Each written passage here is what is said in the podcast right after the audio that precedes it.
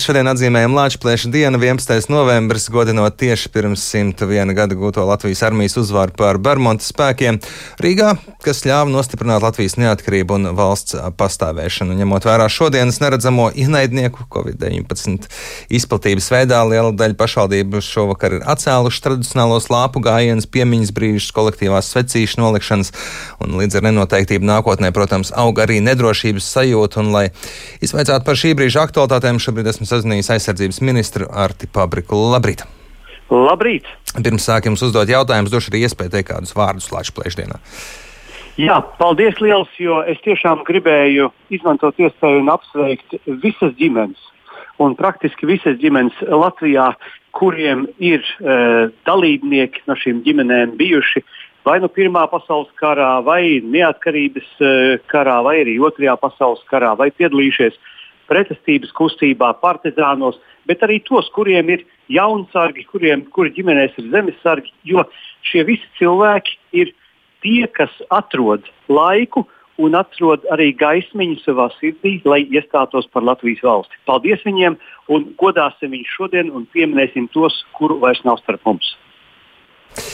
Saimā savukārt norit darbs pie nākamā gada budžeta un aizsardzības nozarei turpmākajos pāris gados. Plus 40 miljoni katru gadu pieejami būs starp 700 līdz 750 miljoniem eiro. Ko tas dod bruņotajiem spēkiem? Cik modernus mēs spējam izveidot tos mūsdienu situācijai atbilstošus?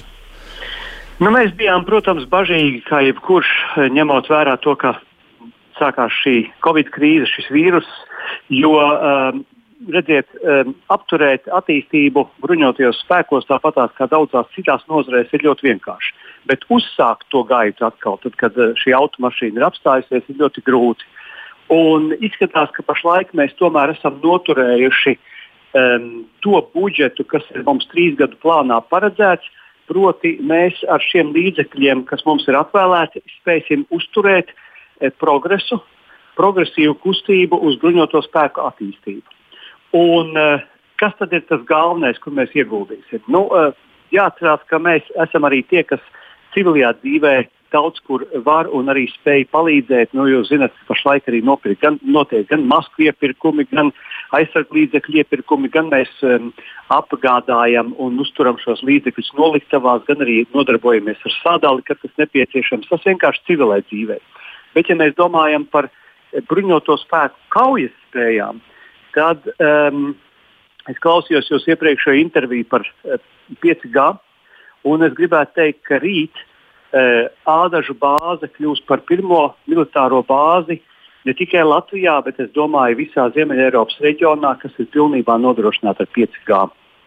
Tas būs rīt. Es esmu arī uh, lūdzis uh, maksimāli iesaistīt visur uh, Latvijas industriju, visos mūsu attīstības plānos. Tas nozīmē, ka mēs plānojam iegādāties eh, gan jaunu bruņojumu, gan arī strādāt pie dažāda tipa drona attīstības. Un tas notiks kopā arī ar uh, Latvijas uzņēmējiem, jo mēs redzējām no šīs krīzes, ka ja mums šīs apgādes līnijas pietrūkst, ja citas valstis nevar vai negrib mūs ar kaut ko apgādāt, mums jābūt pašiem par sevi spējīgiem pastāvēt. Tieši kā tas bija pirms 101 gada arī Bermudiādas un neatkarības laikā. Ir labi, ja mums ir draugi, bet mums ir jābūt spējīgiem arī parādīt, ka mēs paši spējam stāvēt uz savām kājām, stabili, mums attīstās savas tehnoloģijas, savas nodrošinājumus, un galvenais, ka mums ir morālais pārākums pār jebkuru eh, pretinieku, kas gribētu izaicināt mūsu robežas vai mūsu neatkarību. Ir mums uh, uzņēmēja darbība, ražošana tādā līmenī, lai tā spētu nodrošināt krīzes situācijā, vai varbūt pat ikdienas vajadzībām kvalitatīvus, visus vajadzīgos produktus, kas ir vajadzīgi bruņotajiem spēkiem? Um, ir dažādi. Ir lietas, kur mēs esam nu, nosacīti e, tādā starptautiskā līmenī. O, piemēram, ar to pašu dronu ražošanu. Es domāju, ka mēs daudz kur varam uz priekšu iet. E, ir lietas, kur kopā ar bruņotiem spēkiem dažādas nozares attīstās.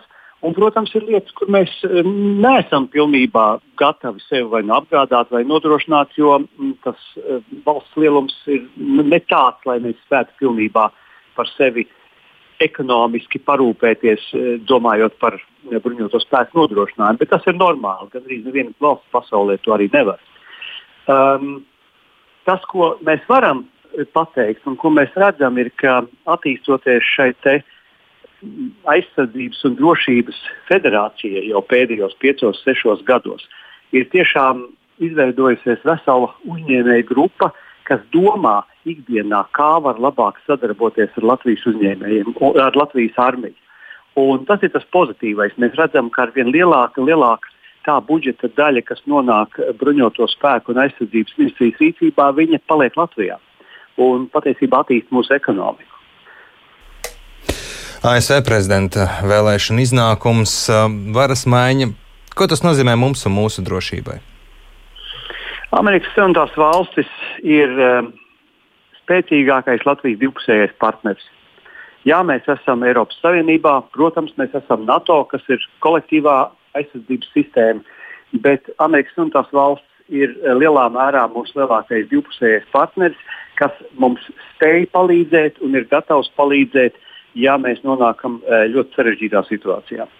Un, uh, skatoties uz šīm vēlēšanām Vašingtonā, protams, mūsu galvenais uzdevums ir vai vēlme, lai pēc iespējas ātrāk tiktu oficiāli apstiprināti mm, jaunā prezidenta ievēlēšanas uh, dati, teiksim tā, jo pašlaik uh, joprojām, kā mēs redzam, notiek šis strīds uh, starp iepriekšējo prezidentu un pašreizējo kandidātu, starp Trumpu un Baidenu. Līdz ar to uh, mums gribētos ātrāk tikt vaļā no šīs neziņas un redzēt, kā Baidena kungs um, ķerās klāt pie darbiem. Gribās zināt arī viņa jauno, ja tā var teikt, uh, ministru sastāvu, kas būs aizsardzības ministrs pirmām kārtām. Un, um, es domāju, ka uh, arī nākotnē tā sadarbība ies tajā pašā plaknē ar Amerikas Savienotajām valstīm, kāds ir bijis līdz šim. Mēs redzam, ka tās prioritātes Amerikai būs trīs. Tā ir uh, Eiropa, Āzija, Klusais okeāns un Tuvija Austrumi. Un tās ir tās trīs lietas, kur Amerikas Savienotās valsts koncentrēsies neatkarīgi no tā, droši vien, uh, kā un cik ātri prezidenta pilnvars tiks pārņemts.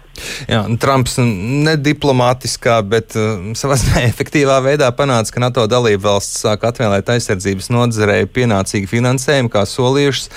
Vai nav bažas, ka tagad varētu šajā jomā citi NATO partneri atslābt?